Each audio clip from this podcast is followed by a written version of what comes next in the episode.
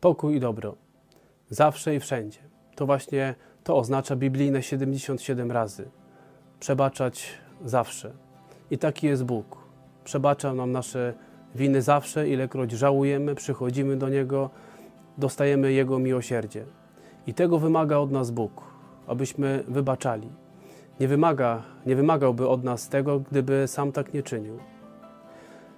Papież Franciszek mówił, że prędzej ci się znudzi grzeszyć, niż Bogu wybaczać. Tak wielka jest Jego miłość, tak wielkie jest Jego miłosierdzie. Dlatego może nas dziwić postawa sługi z dzisiejszej Ewangelii. Dostaje odpuszczenia swojego długu od króla.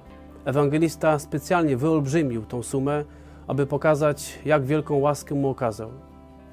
I sługa, który dostąpił tak wielkiego miłosierdzia, nie potrafi odpuścić małego długu swojemu współsłudze. Gdy król się o tym dowiedział, wydał go katom. Podobnie uczyni wam Ojciec mój niebieski, jeśli nie przebaczysz bratu swemu. Bóg poddał każdemu, każdego pod jarzmo grzechu, aby każdego obdarzyć swoim miłosierdziem. I wydaje się to takie naturalne, normalne, że jeśli otrzymujemy dobro, miłość, miłosierdzie, to tym powinniśmy się dzielić z drugim człowiekiem. A więc, moi drodzy, bądźmy normalni. Dzielmy się tym, co otrzymujemy od Boga.